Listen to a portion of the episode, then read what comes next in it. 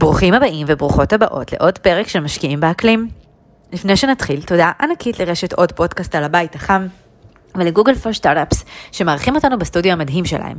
ותודה לכם ולכן שאתם איתנו פה בעוד פרק, איזה כיף. נזכיר רק שכדאי לעקוב אחרינו בפלטפורמת הפודקאסטים המועדפת עליכם על מנת להתעדכן בפרקים החדשים ולהישאר בלופ בכל מה שקשור בטכנולוגיות והשקעות אקלים. בפרק הזה אנחנו עושים אישור קו על כל מה שקורה אה, כרגע בעולמות האקלים טק, מבחינת השקעות ומבחינת חברות. מי מכם שזוכרים את הפרק הראשון שלנו, פרק 0, אה, קחו את זה כמעין אה, פרק עדכון, כי באמת אה, הרבה מים עברו בנהר אה, ever since, פן אה, intended, ולשם כך הזמנו את חברינו היקרים, דוקטור תמר מויס וגל שרון מפלנטק. אז בואו נתחיל, אני שני זנסקו ואיתי אוריאל קלר, ובפודקאסט הזה אנחנו מדברים על כל מה שקשור בעולם הצומח של טכנולוגיית אקלים, עם משקיעים, סטארט-אפים, תאגידים, פונקציות ממשלה ועוד, על מנת להתמקד בפתרונות עבור אתגרי משבר האקלים השונים ובהזדמנויות העסקיות הקיימות, לצד ההשפעה החיובית האדירה על העולם. כי כמו שאנחנו יודעים טוב מאוד בתעשייה שלנו, ואולי גם קצת בחיים עצמם, כל משבר הוא הזדמנות, ופה יש לנו חתיכת משבר.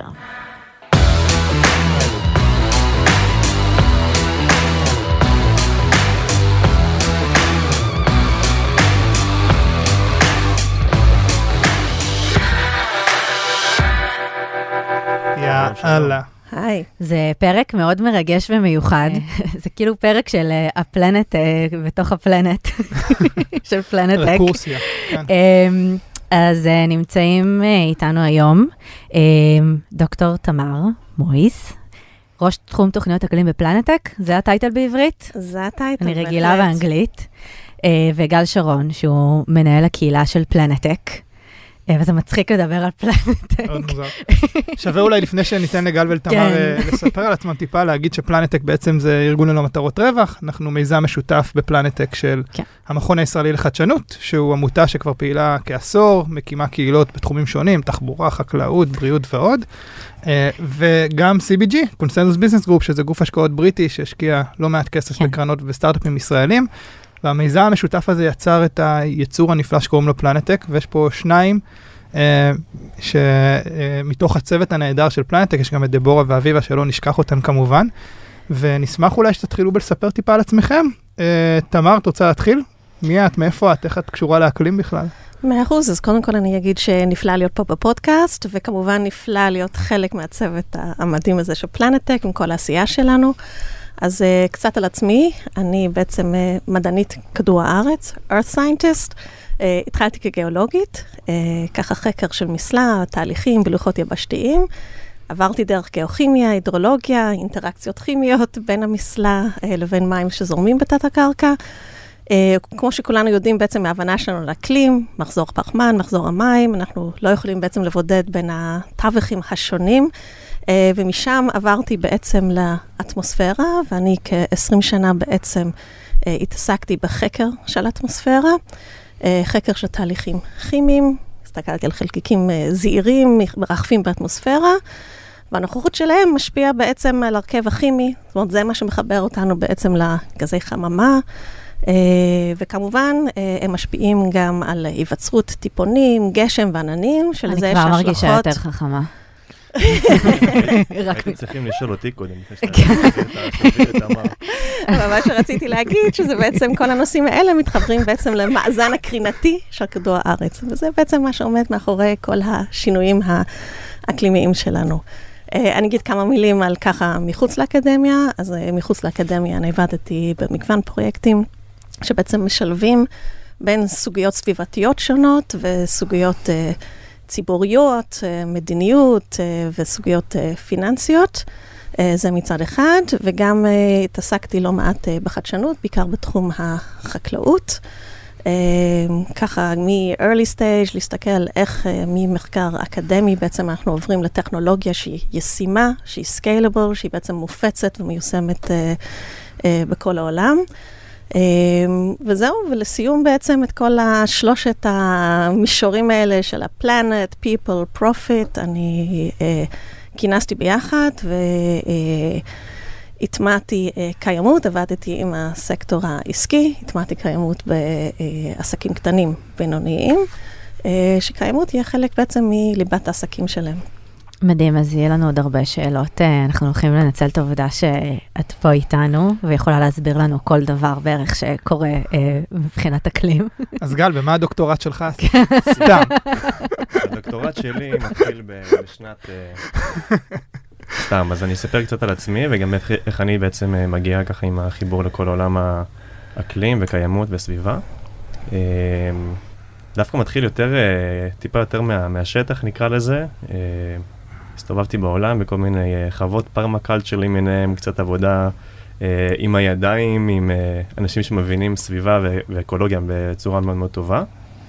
אחרי זה בעצם הלכתי ללמוד באוניברסיטת בן גוריון גיאוגרפיה ופיתוח סביבתי, ובמקביל, כזה גם שני העולמות בעצם של יזמות וקיימות, ניהלתי אקסלרטור ליזמים בבאר שבע, וגם עבדתי במשרד להגנת הסביבה בתחום של בנייה ירוקה. ואחרי הלימודים בעצם המשכתי להיות uh, יועץ בנייה ירוקה באיזושהי חברה פרטית, והתעסקתי קצת בעולם התכנון והבנייה וליווי של פרויקטים uh, של נדל"ן ובנייה ירוקה. Uh, ואז הגעתי לפלנטק. ושכחתי לציין, אבל גם כשהייתי סטודנט בעצם הקמתי מיני, מיני פלנטק קטן, נכון. שנקרא גרין דאסט, שזה היה בעצם קהילת uh, קיימות ויזמות לסטודנטים. Hmm, אז uh, עולמות של uh, הוא היה מנהל קהילה עוד אנשים, כסטודנט. קיימות. שני, את יודעת מה... תמיד אומרים שצוות זה הכי חשוב, ואנשים זה הכי חשוב, אז כאילו זה גם נכון בפלנטק. נכון. והסיפורים, תמ- תמר וגל הם די, די מדהימים בהקשר הזה בעיניי. תמר, הבנתי ש... אה, הבנתי מה התפקיד שאמור להיות, שאני מגייס אליו, רק אחרי שפגשתי את תמר. כן. כלומר, אמרתי, הנה זה. וגל הייתי צריך לחזר אחריו, גל ואני היינו ביחד בצבא, וידעתי שהוא הבן אדם הנכון לתפקיד. אז כאילו הסיפורים גם סביב המרקם האנושי שנוצר בפלנטק הם די אדירים. Uh, זהו, ועכשיו אנחנו, נראה לי נתחיל להתכנס למה הולך כאילו. כן, מה הולך? כי משהו, מה הרבה דברים הולך? קרו בין פרק 0 לבין עכשיו. נכון. אז מאוקטובר אה, 2021, וואו, Yes. ועד עכשיו, אז אה, כל הזמן, קודם כל היה לנו את קופ 26, אנחנו מדברים בימים אה, approaching גם אה, קופ אה, 27 ממש אה, עוד מעט. אה, מה, מה השתנה בשנה האחרונה? אולי נתחיל ברמה הגלובלית. אה, בהקשר של השקעות ברמה הגלובלית, רק נגיד, לפני שנצלול, שגויסו נכון לאמצע שנת 2022 כקרוב ל-20 מיליארד דולר בתחומי ה climate. אנחנו יודעים שהיו אה, יותר עסקאות בפחות דולרים, אה, אם אנחנו משווים גם אה, לשנת 2021, שבסך הכל... אה, גויסו כ-40 מיליארד דולר. אה, זה תואם את כל מה שקורה בשווקים שהם בקאנטים, אם להיות עדינה, וגם בקריפטו אפילו, ראינו אה, 30, ו- ירידה של 31 אחוזים אה, בסכום הסך ההשקעות. ראינו שכל ההשקעות האלה, אם מסתכלים אה, לדוגמה על מה שהושקע בארצות הברית, אה, היו אה, תחת ה... challenge ים או ה vertical ים של transportation, אנרגיה, מזון אה, ואגריטק, כמובן, שזה לא מפתיע. אה, מה שכן מעניין ושאנחנו חווים פה, ותכף גם נדבר על זה בהרחבה, זה שהייתה קפיצה של פי שמונה אה, בסכום שהושקע בוורטיקל של קרבון. זה ורטיקל, תכף נדבר על זה. אה, ודבר אחרון רק לקינוח, שאותי אה, ממש עניין, זה שספרו, מדדו כלמעלה מ-2,500 אה, משקיעים, שלא בהכרח מש... מגדירים את עצמם כמשקיעי קליימטק, שעשו עסקה אחת לפחות בקליימטק בשנתיים האחרונות. אני בהרגשה שלי, ואולי זה לא רק בהיבט הגלובלי, אלא גם פה בהיבט הישראלי, זה שגם המונח הזה שנקרא קליימטק, הוא מהמם. כבר מציאות. זאת אומרת, זה לא אם לפני שנה דיברנו על איזה התחלה של משהו שלא כל כך היה ברור מה זה בכלל קליימטק, מה זה אומר, איך העולם מגיב לזה, איך בישראל מגיבים לזה. אז אה, אני לא יודע לפני כמה זמן הקלטתם את פרק 0, אבל אם אני מסתכל לפני שנה, פחות או יותר אה, סביב אה, קופ 26 והוועידה לחדשנות אקלימית שעשינו, אז זה די מטורף לראות מה קרה בשנה אחת. אה, זהו. מה את אומרת, תמר?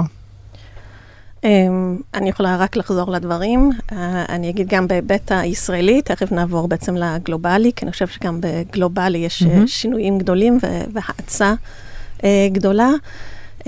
בהיבט הישראלי, אני חושבת שלחלוטין, אם לפני בואי אל פלנטק, ככה דיברתי עם חברות, תאגידים על מדרך פחמני, היה דיבור עם גופי ממשלה, אני רק חושבת בעצם על חוק האקלים החדש, שבעצם mm-hmm. הופץ לפני uh, כחודשיים. Uh, היינו מאוד רחוקים בעצם מהתבוננות על איך אנחנו כמדינה גם יכולים להתנהל אחרת, ואיך אנחנו יכולים גם לתרום למאבק בעצם באתגרי האקלים על ידי בעצם ה tech שאנחנו יכולים להציע. אה, ויש פה פשוט שינוי עצום בשיח של ציבור רחב, זאת אומרת, זה, זה הפך אמ-המ. משיח של קומץ של אנשים שרופים, באמת לבעלי עניין בכל מקום, תאגידים, כן. ממשלה, סטארט-אפים, מדברים קליימטק, זה מדהים. נכון. אני רוצה אולי רגע, שנייה, כי אנחנו הולכים לצלול. זה יהיה פרק מפוזר, אנשים, אה, כל מי שמאזינים. כי אנחנו... אה, אני רוצה שנייה לחבר את הנקודות. Mm-hmm.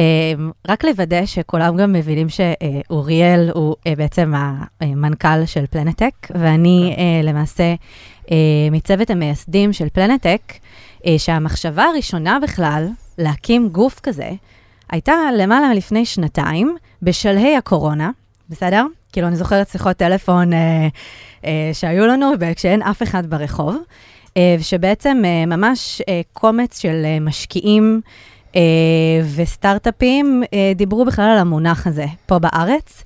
אה, והמטרה של הארגון הזה בכלל, למה עשינו את זה? אה, זה ממש כמו סטארט-אפ, כי פשוט ראינו פה פער מטורף, gap ענק, שצריך בעצם אה, להביא אליו את כל המשקיעים, היזמים, היזמות, התאגידים, הקרנות הגדולות, כל, כל מי שנמצא כאן, ובעצם ליצור את ה ecosystem הזה.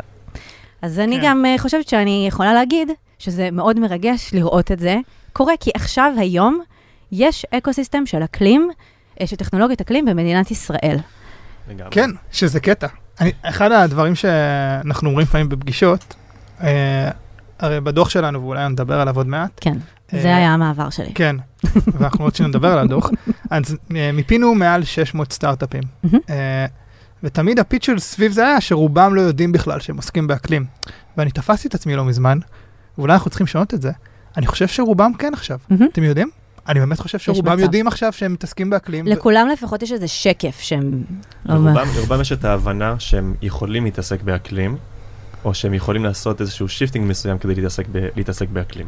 כן, וזה הרבה עניינים של אה, זהות וזה, אבל אם אנחנו כבר העלינו את הנושא של הדוח, אז mm-hmm. תמר, בעצם את הכותבת הראשית של הדוח.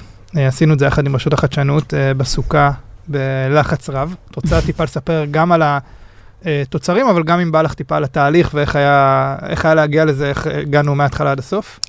אז באמת אני אספר ככה קצת על, על מה זה הדוח, לא ישר לצלול yeah. לאימפקט של הדוח, ש, כדי שכולם ידעו בעצם על מה אנחנו מדברים. אה, אז בעצם בעבודה המשותפת הזאת, אנחנו מיפינו את חברות האקלים טק פה בארץ, ומיפינו אותם לפי אתגרי האקלים של פלנטק. זאת אומרת, זו מפת אתגרים שבעצם מציבה את האתגרים הן בשביל להפחית פליטות, הן שיהיה יותר אדפטציה מבחינת קהילות, מבחינת תשתיות. Mm-hmm. ולקחנו בעצם את הזירה הישראלית ומיפינו את כל החברות. שזה היה די חידוש שלא נעשה בכלל דוח כזה אה, בעולם. לפני כן נעשה דוח אחד על קליימטק, וזה לא התייחס בעצם לגבי ה ecosystem של מדינה מסוימת. Mm-hmm. ובדוח הזה בעצם הסתכלנו על כל ההיבטים, הסתכלנו גם אה, על החברות, מספר חברות בעצם אה, לפי מפת אתגרים, אתגרים שהם עונים עליהם. אבל הסתכלנו גם על הצמיחה של החברות. זאת אומרת, מתי הם התחילו, כמה חברות יש כל שנה. אה, ואנחנו ראינו בעצם שככל שהשנים עברו, במיוחד בעצם בשנתיים, שלוש האחרונות, יש האצה מאוד גדולה של הקמה של חברות כאלה. Mm-hmm. הסתכלנו על השקעות, מי משקיע, כמה כסף משקיעים, אם ההשקעות מגיעים מהארץ, אם הם משקיעים מחו"ל, אם זה קרנות הון סיכון, אם זה ממשלה. אז ממש הסתכלנו גם על החברות, גם על התחומים, גם על הצמיחה, איזה תחומים בעצם צומחים הכי מהר, כמובן על השקעות, והסתכלנו גם על החסמים, שאני חושב שזה נורא אה, חשוב.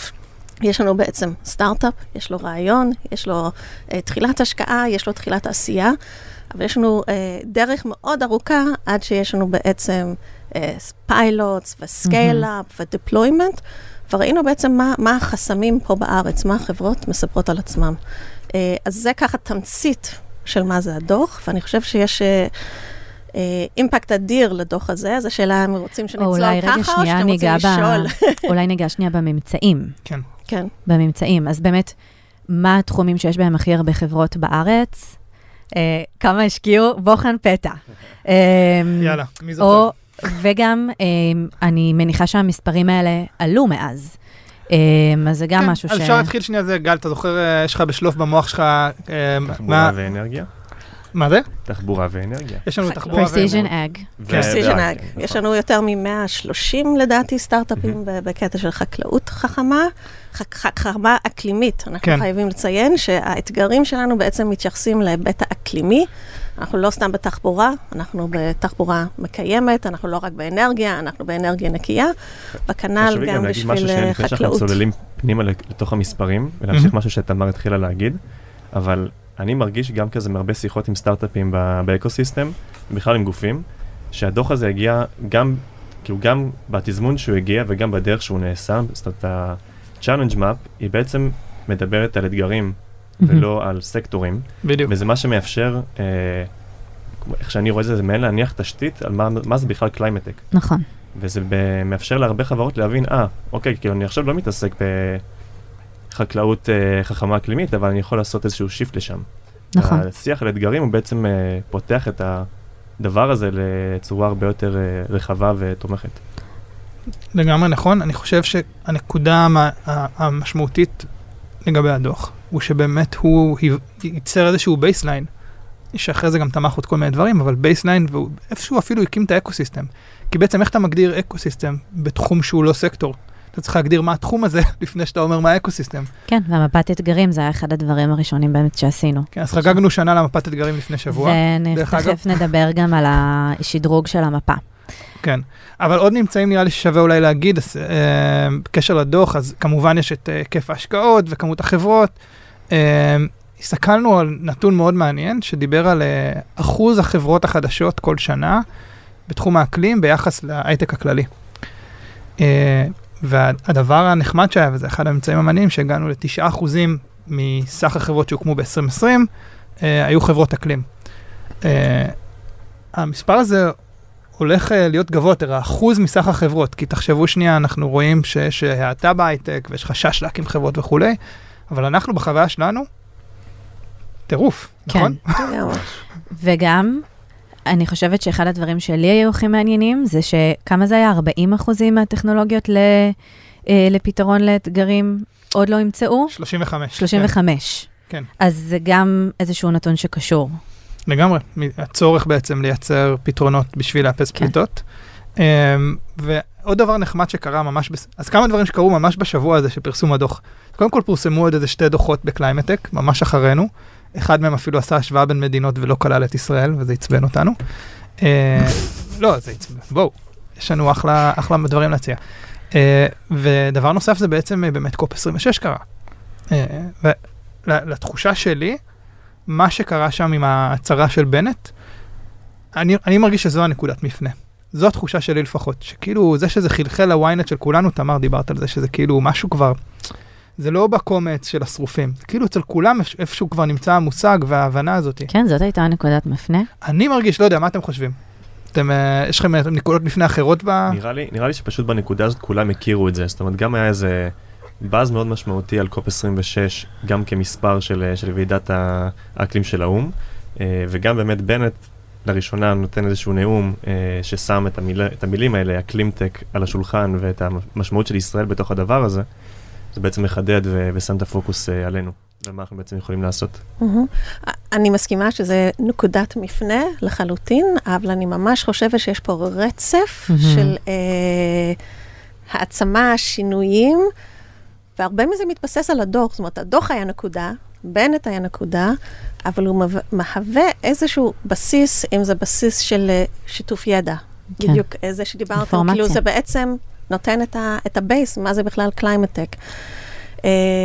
ואני חושבת שזה משמש היום הרבה מאוד בעלי עניין שהם בתחום הזה של climate, שהם באים מאותם סקטורים שונים, איפה שצריך mm-hmm. לענות על אתגרים, אם זה מתחום המים, אם זה מהתחום של חומרים, זאת אומרת, זה בעצם איזשהו tool, איזושהי פלטפורמה, ש, ש, שכל מי שיש לו ממשק לסיפור הזה של climate tech, היום יש לו מידע שלא היה לו, אני לגמרי מרגישה שזה היה תחילת בניית ה ecosystem, בהקשר. הזה שזה נתן אה, זהות. אה, לאותם בעלי עניין, הם מבינים עכשיו באמת שאנחנו חלק ממגמה יותר רחבה. אנחנו לא רק מסתכלים על איזשהו חומר שהוא תחליף לדלק פוסילי, אלא, אלא אנחנו חלק ממגמה של climate tech. ולגמרי מה שאמרת, אוריאל, שיצאו דוחות ו- ולא הזכירו את ישראל, אה, זה לגמרי אטרקציה. היום, כשאתה יוצא, אנחנו יוצאים ומדברים בעצם עם משקיעים, ואנחנו רוצים לשים את ישראל על המפה. יש לנו ככה את הפרוף כן. ביד. uh, וזה מושך כן, אנשים, זה דאטה. מושך השקעות. כמו בכל דבר. Um, אז באמת דיברנו על זה שהדבר הראשון שרצינו לעשות זה למפות את האתגרים, שיהיה באמת ליזמים ויזמות בעצם את המפה, obviously, to navigate. Um, ואני חושבת שמשהו מעניין שקרה, שהוא גם בהלימה עם טרנד גלובלי, שבעצם אה, נוספו עוד שני אתגרים חדשים, ואגב, אתם יכולים לראות אותם באתר של פלנטק, אה, אם עוד לא ראיתם. אה, תמר, את יכולה לספר לנו אולי קצת על התהליך של ההוספה של השני אתגרים בתחום של הדיגיטל, ואולי קצת איך באמת זה מתכתב עם מגמה שאנחנו רואים מתאגידים ומפונקציות אחרות בעולם. אוקיי. אז קודם כל אני אתחיל בזה שהמפה שלנו בעצם, מבחינתנו, אמורה לענות על כל אתגר אקלימי, ולו יהיה מה שיהיה, אנחנו רוצים למצוא לו מקום בתוך האתגר. וכך בנינו אותו מההתחלה, mm-hmm. שיש לנו התייחסות בעצם לסביבה הבנויה, יש לנו התייחסות uh, ל-land use, ל-materials, ל-manufacturing, וכמובן בעצם לאקו-systems הטבעיים, שבלעדיהם uh, אה, אנחנו חייבים בעצם לשמר אותם ולטפח וכולי.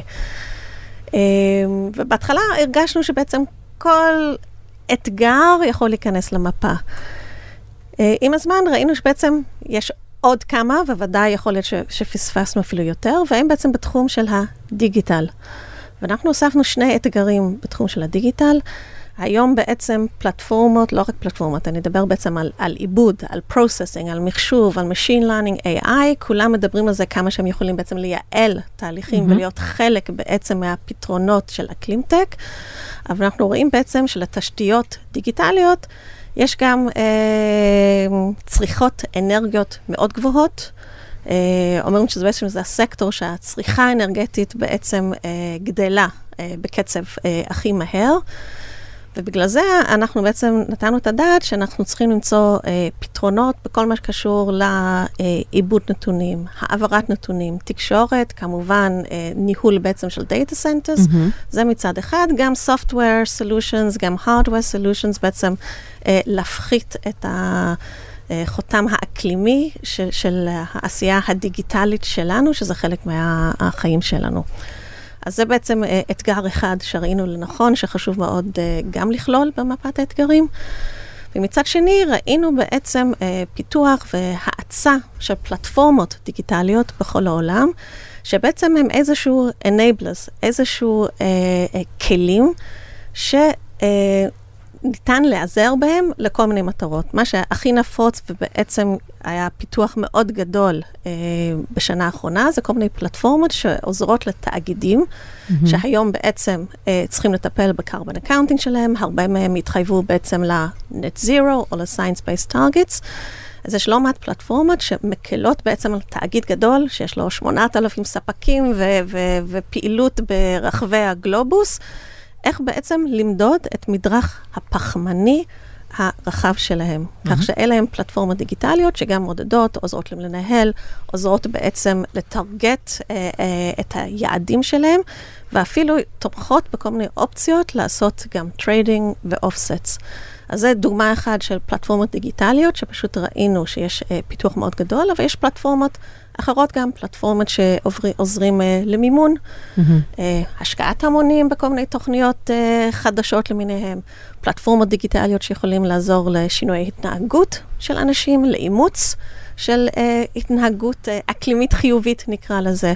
אז ראינו לנכון גם להכניס אה, אתגר ככה של אה, פלטפורמות דיגיטליות, ואנחנו רואים שבארץ, כמו בשאר העולם, יש לא מעט פלטפורמות כאלה שבאמת כן. אה, נכנסות לאתגר החדש. מה שעשינו באמת, אה, ואני חושב שזו נקודה מעניינת, וגל אולי יוכל להרחיב לגבי זה, אז זיהינו את הדבר הזה, ופעלנו בשני צירים. הציר הראשון באמת זה אה, לבנות את הידע ולהוסיף את זה למפה, שפה היה הרבה עבודת תשתית, אבל מהצד השני גם עשינו אתגר, ממש על התחום הזה, שמנו אותו על המפה, כי הבנו שיש איזושהי התעוררות. גל, אתה רוצה אולי לספר לנו טיפה איך התהליך הזה נראה, או איך הדמו דיי בסוף היה? או גם על ו- איזה סוג של חברות יש כאן, כי גם אני אה, מרגישה באמת שזה דווקא, האתגרים האלה, הרבה אה, יזמים או אה, אנשים שמגיעים מתחומי התוכנה וה-software, אה, זה מין איזה transition שהוא הרבה יותר אה, קל לעיכול עבורם, כי זה עולמות שהם מכירים, וזה בעצם פתרונות שכל התאגידים בסופו של דבר צריכים, כמעט. Mm-hmm.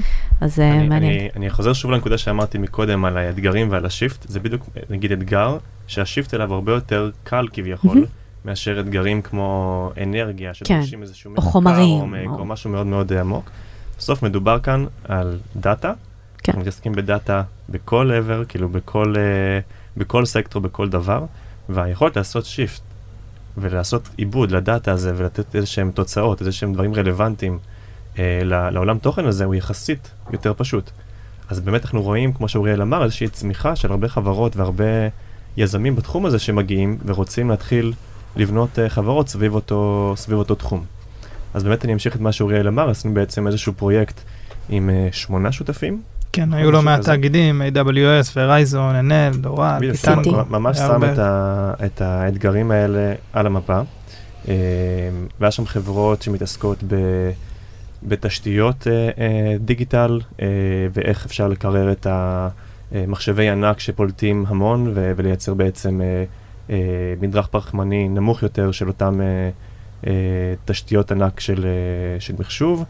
כל מיני מערכות שעושות אה, אה, איסוף דאטה ובעצם עוזרות לתאגידים לקבל איזושהי תמונה על ה-ESG שלהם או על האימפקט, אה, על ה-climate impact שלהם ולתת איזושהי הערכה אל מול איזה ספקים הם עובדים, אל מול איזה שירותים הם עובדים, איך המערך לוגיסטיקה שלהם עובד, איך כל דבר כזה או אחר, כדי בעצם להצליח בתוך תאג, בתור תאגיד לצמצם את סך הפליטות שלהם.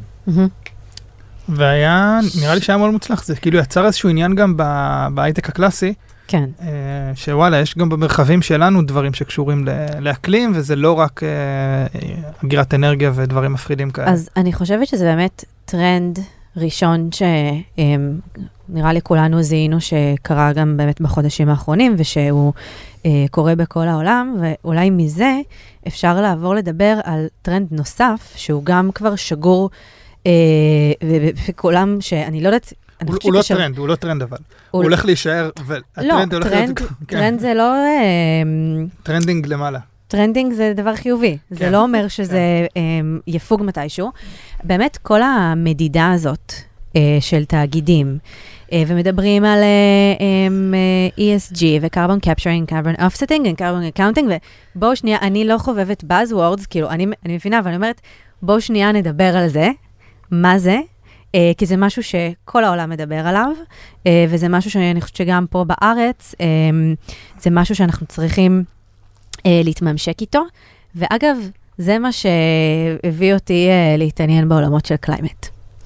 שהבנתי שיש מודלים פיננסיים מטורפים סביב כל הדבר הזה, אבל אני מרגישה שעכשיו אה, בעצם כולם מדברים על זה, וזה מגיע גם בהקשר למה שאמרנו קודם, שזה באמת נוגע לכל התאגידים, להתחייבות אה, של ה-Race to Zero, להכרזות, ל-LPs של קרנות מסוימות שדורשים לראות את התוצאות, אז אז אולי נס- נחלק את זה לכמה. אז יאללה. ה- הראשון, accounting, ובתוכו אפשר לדבר גם על offsets וגם על credits.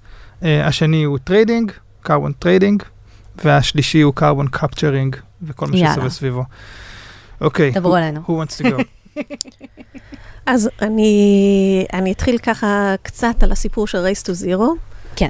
שה-Race to Zero בעצם מכליל כמובן גם תאגידים, אבל גם אה, ערים, מועצות, אה, מדינות אה, וכולי. מה שכן, נכון לומר שתאגידים הם איזשהו driver של המרוץ הזה, mm-hmm. של Race to Zero. באיזשהו מקום הם קצת יותר agile-ים ממדינות, הם יותר מהירים. זה שבעצם יש להם מרחב גיאוגרפי שבעצם חוצה גבולות, זה גם איזשהו... אה, אה, תמריץ ובעצם עוזר אה, ליישום. אה, אז תאגידים בעצם אימצו איזשהו race to zero, שהכרזות, 2050, יאללה, mm-hmm. איפוס פליטות. שבעצם מה, מה זה כל הסיפור הזה בעצם של race to zero? זה אומר מה שאנחנו פולטים, אנחנו יודעים גם בעצם לקבע.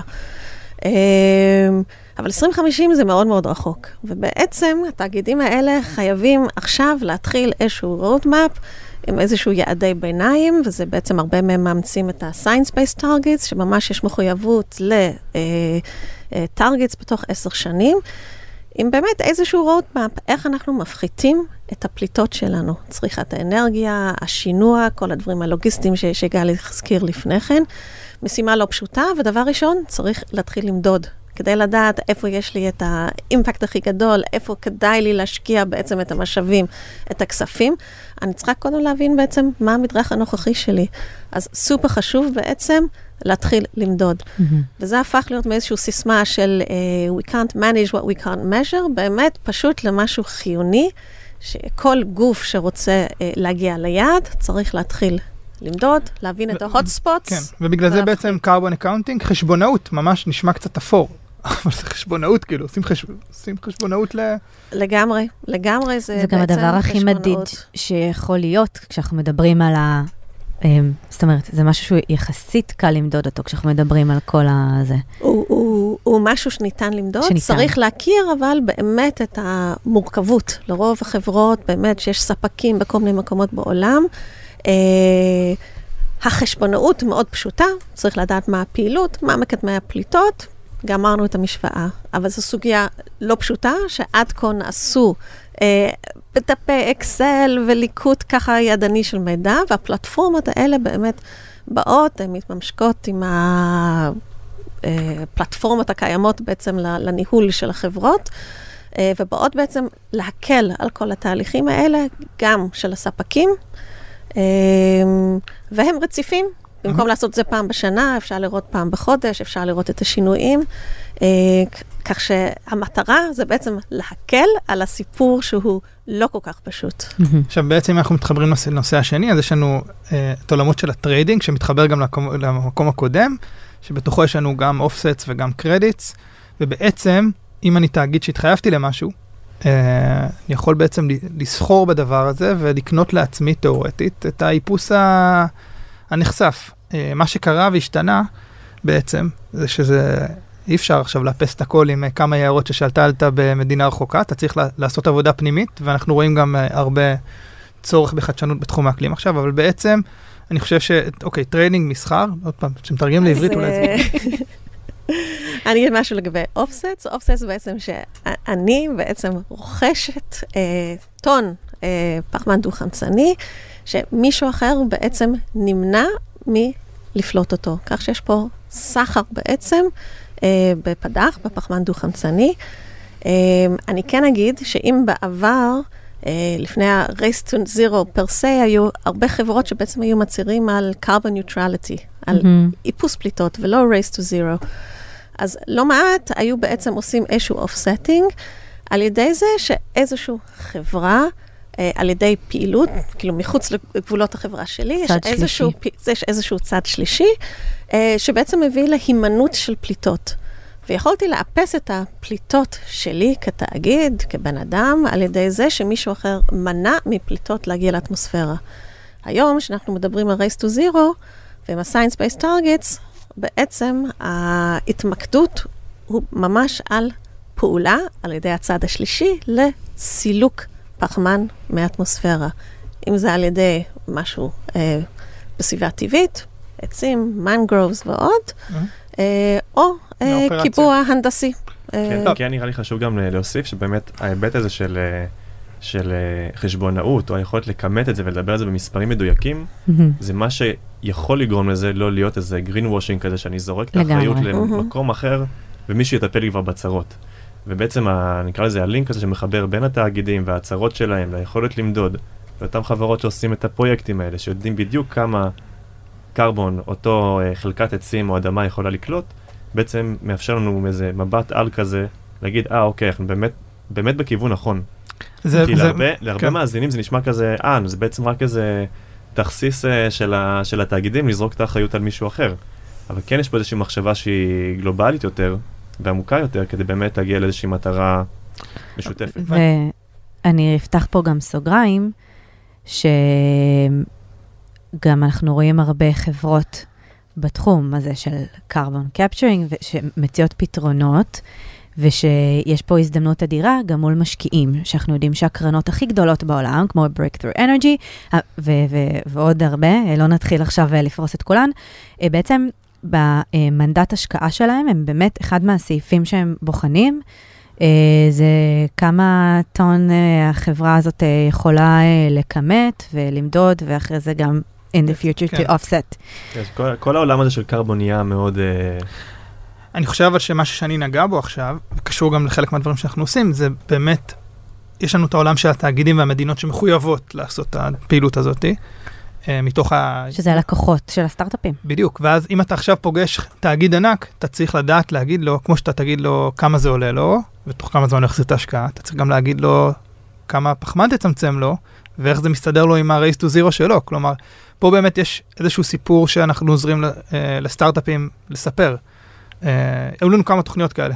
כן, אז גם כאילו יש באמת את הסדנאות שאנחנו עושים, שאנחנו בעצם עוזרים לסטארט-אפים מתחומים שונים, לעזור להם לעשות איזשהו כימות לאימפקט האקלימי שלהם.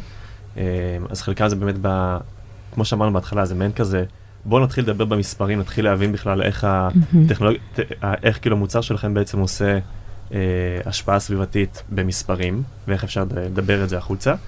אה, ודוגמה טובה זה באמת נגיד הפרויקט שעשינו עם אה, AB InBev, שכתאגיד גדול, אה, AB InBev, מי שלא יודע, יצרנית אה, בירה הכי גדולה בעולם, אה, למעלה מ-600 ברנדים של בירה, זה מספר מטורף. וואי, אה, כן, אני שגיליתי את זה, מי ידע שיש 600 ברנדים של בירה?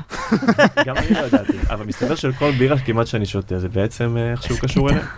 אז כתאגיד גדול שבאמת אה, חלק מה-race to zero וחלק מבעצם תהליך של לעשות איפוס פליטות בעצמו. אני מחפש חברות, טכנו, טכנולוגיות חדשות כדי להטמיע בתוך התאגיד. אז באמת עשינו איזשהו אה, innovation lab כזה איתם, אה, משותף, אה, בתחומים של אקלים ומים. בעצם ניסינו למצוא פתרונות ישראלים, חברות ישראליות שיכולות להתממשק לתוך התהליכים שלהם כדי באמת כן. לענות על אותם אתגרים. וזה באמת בכל אה, השרשרת שיש בתאגידים עצמם. זאת אומרת, זה יכול להיות ב packaging ובמים ובתהליכי דיגיטיזציה וייעול של השרשרת אספקה וכולי, אז באמת תאגידים יכולים להטמיע טכנולוגיות ב-. ב- ברגע, בכל- ה- ה- הדבר היפה, אני חושב, ב- בתהליך הזה שעשינו איתם, שראינו בעצם את המפה של איפה יש להם הכי הרבה פליטות, ואז מהמם. יכולנו גם לדבר, פה יש hot spot, פה יש לנו אתגר, פה זה, והביאו את ה stakeholders מכל, ה- מכל התאגיד, ו- ומתוך זה, אתה יודע להגיד שכדי להגיע לאיפוס פליטות שלך, אתה צריך להשקיע את מרב המאמצים שלך באזור הזה. מתחיל בעולמות של החשבונאות האפורה הזאת, המשעממת, אה, אבל בסוף ההכרחית. אה, ניגע רק בנקודה השלישית, ואני אשמח שנעבור אולי לטרנד הבא. אז הנקודה השלישית זה carbon capture, אני חושב שזה pretty straightforward, כן. כאילו, uh, to capture the carbon, תמר דיברה על זה, שאפשר לעשות את זה בכל מיני דרכים, ודרך אגב, יש, זה טרנד קטן שקורה בתוך הארץ, הרבה חברות חדשות בתחום הזה, כי הוא נשמע לכולם מגניב ומאוד hype. Uh, אבל בואו נדבר אולי על הטרנד uh, הכי רלוונטי שקשור למה שקורה בחוץ. שאנחנו הכי חשים אותו. כן, וזה שחם בחוץ, ויש שריפות, ויש וגם יש שיטפונות. באמצע שיטפונות, זה. ואנשים כאילו, אה, באירופה עכשיו גל חום, אה, שמאות הרוגים בסמוך אליו, ושריפות ושיטפונות, אני כבר לא עוקב כי יש יותר מדי. אה, זה הצד השני של, של climate tech, שלרוב ככה טיפה מסתתר. אה, למה? כאילו, זאת שאלה אחת. ומה- מסתתר? לא, מסתתר ב climate tech, לא ב climate. אה, ב climate, זהו, כן. כי זה, זה קטע, לא. כי זה הדבר שהכי קל לאנשים להרגיש. כן. אה, אני חושבת שזה גם משהו שהוא תורם ל-sense of urgency, שאנחנו מדברים עליו הרבה, שהוא היה חסר קצת בשנים אה, שחלפו, אה, וזה מה שנקרא במונחים מקצועיים ב-extreme weather events, כן. the, the pro term. Um, ובאמת אנחנו, יש אה, חברות uh, בארץ שהן מאוד מוכרות בתחום, וגם uh, אנחנו יודעים שחברות לניהול אחד נכסים... המרואיינים שלנו, אחד המרואיינים שלנו, אני יודעת, כן, נו, כן. אני לא רוצה לעשות name dropping לעצמנו כל הזמן. אבל אה, לא, אבל, אבל גם אנחנו יודעים שזה משהו שהוא אה, מאוד רלוונטי לחברות הביטוח, זאת אומרת, יש פה גם קייס פיננסי וקייס ממש פיזי. אז אה, בואו נדבר קצת על זה, כי זה משהו שקורה בכל העולם, וגם פה בארץ אה, יש כמה חברות מעניינות והתעוררות של הדבר הזה. יש, יש פה שני דברים, יש פה כאילו קייס פיננסי, גם כי זה קורה כאן ועכשיו, כמו שאת אומרת, זה מחזק את תחושת החירום שזה קורה עכשיו, אבל הקייס הפיננסי האמיתי הוא שנייה ב, כאילו בלמעלה יותר, שהדבר הזה הולך להשפיע על כל אתגר ואתגר שאנחנו מדברים עליו מהמם. במפת אה, אתגרים. על לגמרי. סופליי ועל כאילו על כל מערך כזה או אחר, זה הולך להשפיע בין אם עכשיו, בשריפה, שיטפון או כל דבר כזה או אחר, ובין אם בעתיד הקרוב רחוק. לגמרי. מצד, מצד שני, אין כל כך הרבה השקעות באדפטיישן בכלל, אקסטרים וודאי איבנטס בפרט. אין המון חברות. מה כאילו, איך, איך, איך, איך זה יכול להיות? זו השאלה שאני לעיתים שואל את עצמי. מה, מה דעתכם? אז אה, קודם כל, אה, לאימות הנתון, באמת יש אה, הרבה פחות השקעות, רק איזה 2 אחוז, שזה 500 מיליון דולר מכלל התקציב לאדפטציה, מגיע בעצם מ- מהשקעות פרטיות, ולא וואו. ממשלתות, World Bank וואו, זה וכולי. מטורף. אה, ו- וזה לעצמו בעצם בהחלט אה, כספים, אה, ממש סכומים הרבה יותר קטנים. כאילו, לא יעזור לנו אם נאפס פליטות, אבל לא יהיה לנו איפה לגור. כאילו, זה, זה קצת, אה, ההתעלמות הזאת היא קצת... אה, אה, אני חושבת שזה נכון לחלוטין, ובכלל. אנחנו צריכים להסתכל מבחינת האדפטציה לשינויים אקלימיים, להסתכל גם על הקצר טווח וגם על הארוך טווח. אז ה- באמת, אירועי מזג אוויר קיצוניים, זה אמנם קצר טווח, אבל אנחנו מרגישים את זה, ה frequency עולה, העוצמות אה, עולות, אה, בטח בעולם המערבי, הנזקים הפיננסיים אה, עולים, אבל יש לנו הרבה היבטים של אדפטציה שפחות נראים לעין, אבל כבר בעולם של אה, ביטחון תזונתי, מהמם. מזון, שינויים של ecosystems, שינויים חיזוי. באורך של אה, עונות, הכל כבר יש לו impact. אז כן, יש פה מקום לחיזוי אה, יותר נכון, לניהול יותר נכון כשיש אה, אסונות, לאיך עושים ריקאברי.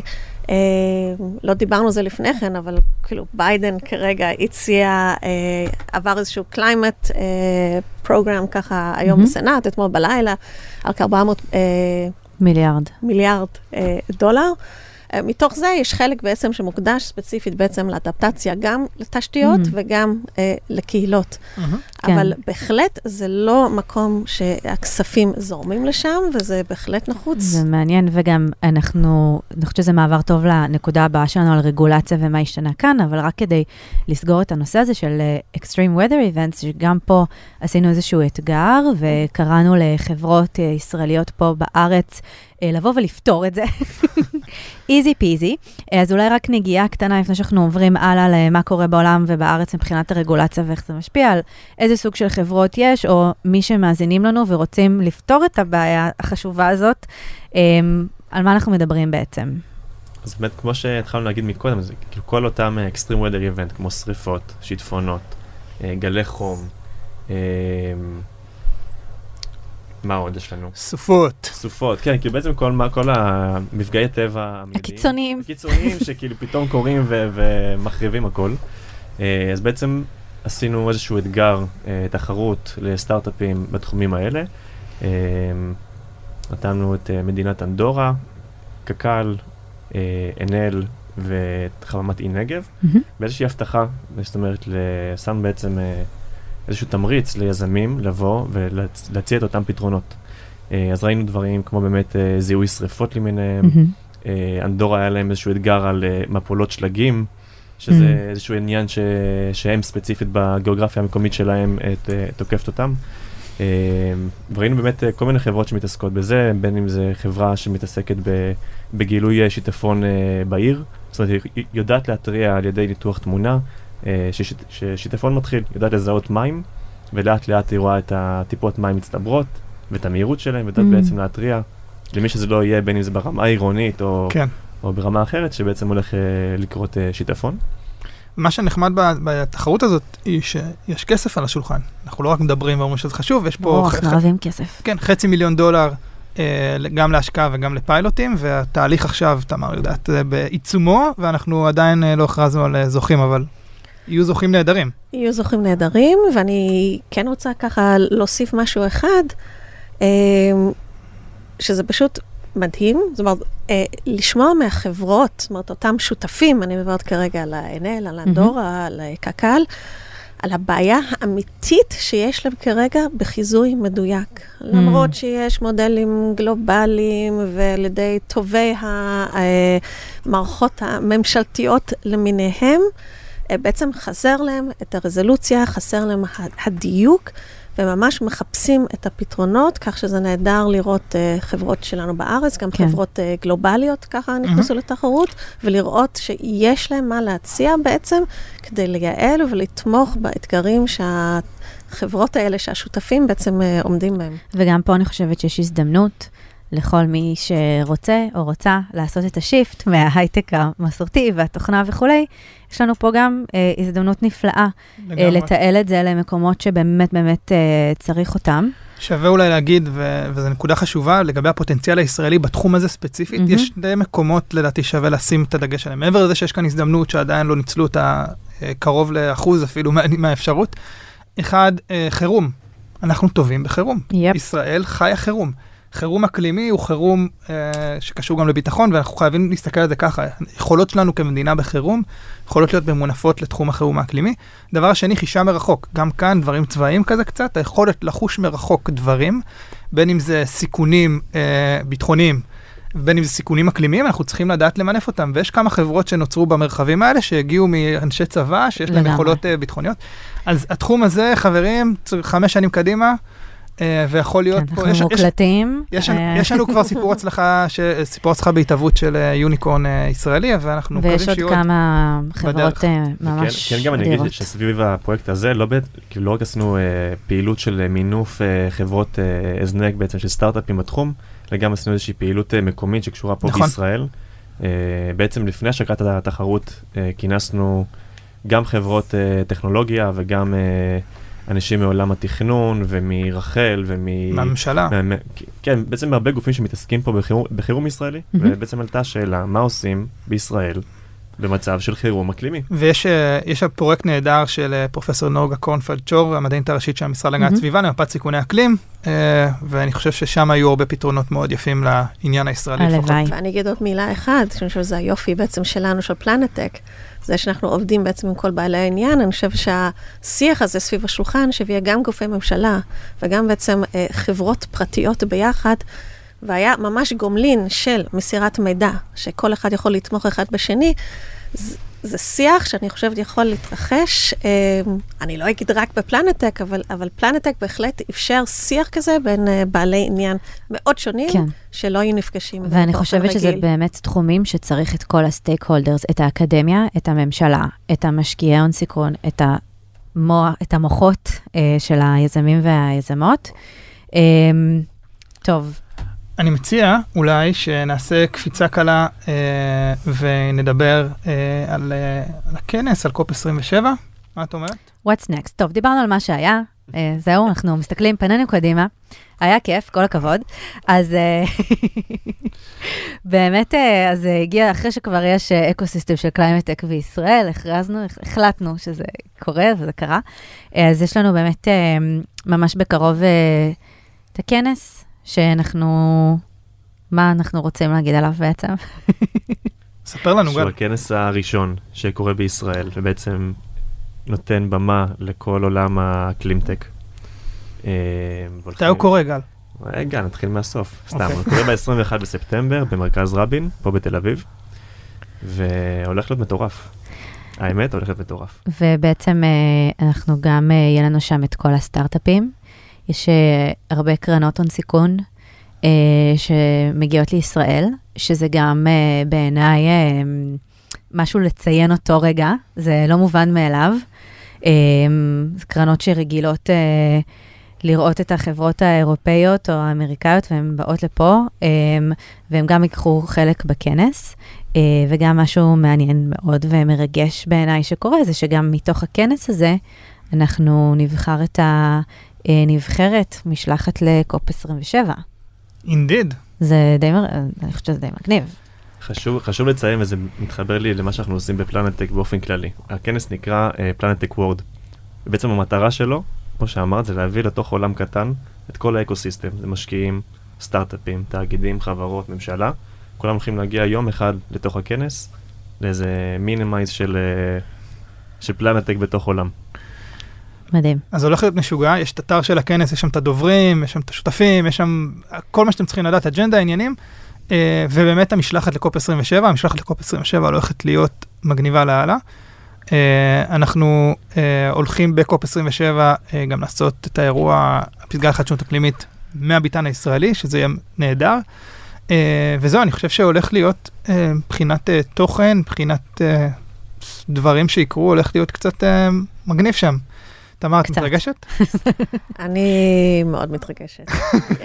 היה לנו ככה שתי במות, אה, ממש מתייחסת לאתגרי האקלים, עוד במה עם הרבה דוברים סופר מעניינים, keynote speakers, cross-sector topics, יהיה מטורף.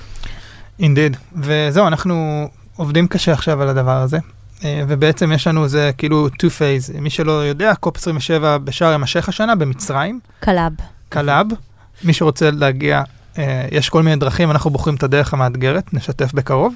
ובעצם ההבדל, אה, הפ- הפער בין הכנס לבין ה COP זה שישה שבועות. אז הכנס ב-21 לספטמבר, COP מתחיל ב-7 בנובמבר. אה, אז יש שישה שבועות בין לבין שאנחנו הולכים לנסות אה, ולקדם את כל ענייני המשלחת, אבל בעצם כל סטארט-אפ או משקיע או מישהו שמתעניין ב COP 27, אנחנו נוכל ונשמח לסייע לו גם לפני, בהכנה וגם תוך כדי ב COP.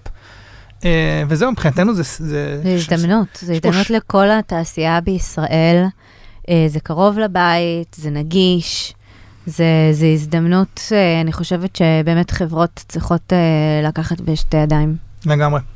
בהזדמנות הזאתי, שסיפרנו קצת, עשינו עדכון על מה קורה באקוסיסטם בישראל, בעולם וזה, ודיברנו על כל מיני דברים, שווה להגיד, תודה לגל ותמר שהגיעו לפה, ותודה לגל תודה ותמר. לכם. על הכל. על הכל, וגם לדבורה ואביבה. אה, וכאילו, תשמעו, לפני שנה, ש- שרק... הדברים השתנו לחלוטין, והתחושה הזאתי שיש איזשהו קסם במה שאנחנו עושים, ובאווירה אה, בישראל ובכלל, היא פשוט מדהימה. אז אה, תמשיכו להוביל אה, ולקחת את האקוסיסטם עוד צעד אחד קדימה. ו... ויאללה, יהיה כיף בכנס, יהיה כיף ב COP, ונמשיך לקדם את התחום הזה ביחד. ותמשיכו לעשות אה, ל- עוד חברות climate. זה אמרתי למאזינים. תמר וגל וכולנו פה כדי לתמוך. יאללה. תודה, ביי. תודה, ביי ביי. ביי, תודה.